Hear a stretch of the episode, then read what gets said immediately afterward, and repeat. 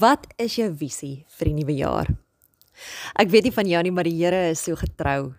Ek sien hoe hy opdaag in my lewe en baie keer vir my boodskap stuur uit die vreemdste oorde. Hy gebruik normale goed.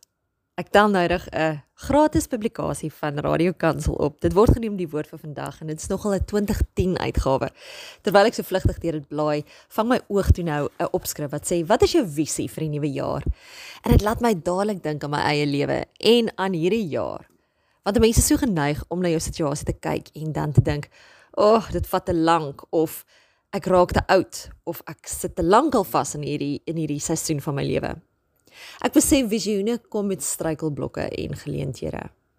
En dat 'n mens moet geduldig wag totdat God sy plan met jou lewe aan jou bekend maak.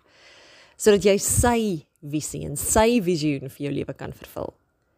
Weet dit verg dat jy geduldig en tydsaam jou energie aan die ontdekking daarvan sal toewy dat jy um, sal weet hoe om struikelblokke in in jou pad te oorkom. Weet ek dink dadelik aan die Bybel en in Spreuke 29:18 sê dit wanneer 'n volk nie duidelikheid het oor die wil van God nie, word hulle koersloos. Dis hier waar ek wil sê ouch amen en haleluja. weet mense drome kan net bewaarheid word as jy droom. Miskien sê ek iets vandag wat jy nodig het om te hoor. 'n Visie voorsien jou van rigting, motivering, kreatiwiteit, deursettingsvermoë. En daarsonder word 'n mens maklik passief. Jy word koersloos, jy word ehm um, ek dink verveeld en 'n mens is geneig om dan te wil opgee. Ek moet vir jou sê God kan in 'n oogwink vir jou visie gee. Maar die vervulling daarvan sal 'n leeftyd se toewyding verg. Hierdie is potgooi nommer 1 van 'n 4 reeks wat ons gaan praat oor 'n visie vir die jaar. En ons gaan die volgende paar weke kyk na sekere beginsels wat nodig is om jou visie te vervul. Nie omdat ek al die antwoorde het nie, maar omdat ek weet dat ek so 'n ervaring gehad het laas jaar Oktober en dat ek tans tree vir tree, asemhaal vir asemhaal God vertrou.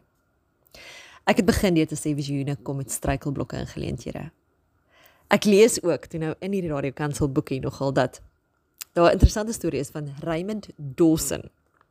Nou, nadat hy jare lank in Amerika gewoon het, het die eense Raymond Dawson sy Engelse grootouers se land toe nou geërf, sou sy landgoed geërf. En daar het hy nou aangekom en hy het hierdie vervalle plaashuis in 'n land vol klippe aangetref. Nou jy kan net dink, teleurgesteld het hy nou besluit om vir 'n laaste keer so oor die waardelose grond te stap voordat hy sy terugkeer Amerika toe. En toe hy so in die verste hoek van die plaas. Hoekom is dit altyd so die verste hoek, die laaste bladsy, hierdie laaste tree? toe hy so op die verste hoek van die plaas loop, het hy opeens hierdie stroompie water sien opborrel uit die grond uit en toe hy nou ondersoek instel, het hy gesien daar's 'n warmwaterbron. Nou, die storie lei dat Raymond Dawson vandag die trotse eienaar is van 'n winsgewende vakansieoord reg daar. En dit het my opgeval want daar waar sy teleurstelling, sy groot teleurstelling wat hy in die oë gestaar het. Dis daar waar God vir 'n droom laat waar word het. So, wat is my boodskap vandag? Wanneer jy vir God vra vir 'n visioen, gaan jy waarskynlik etlike verskeidelde geleenthede kry om dit te vervul.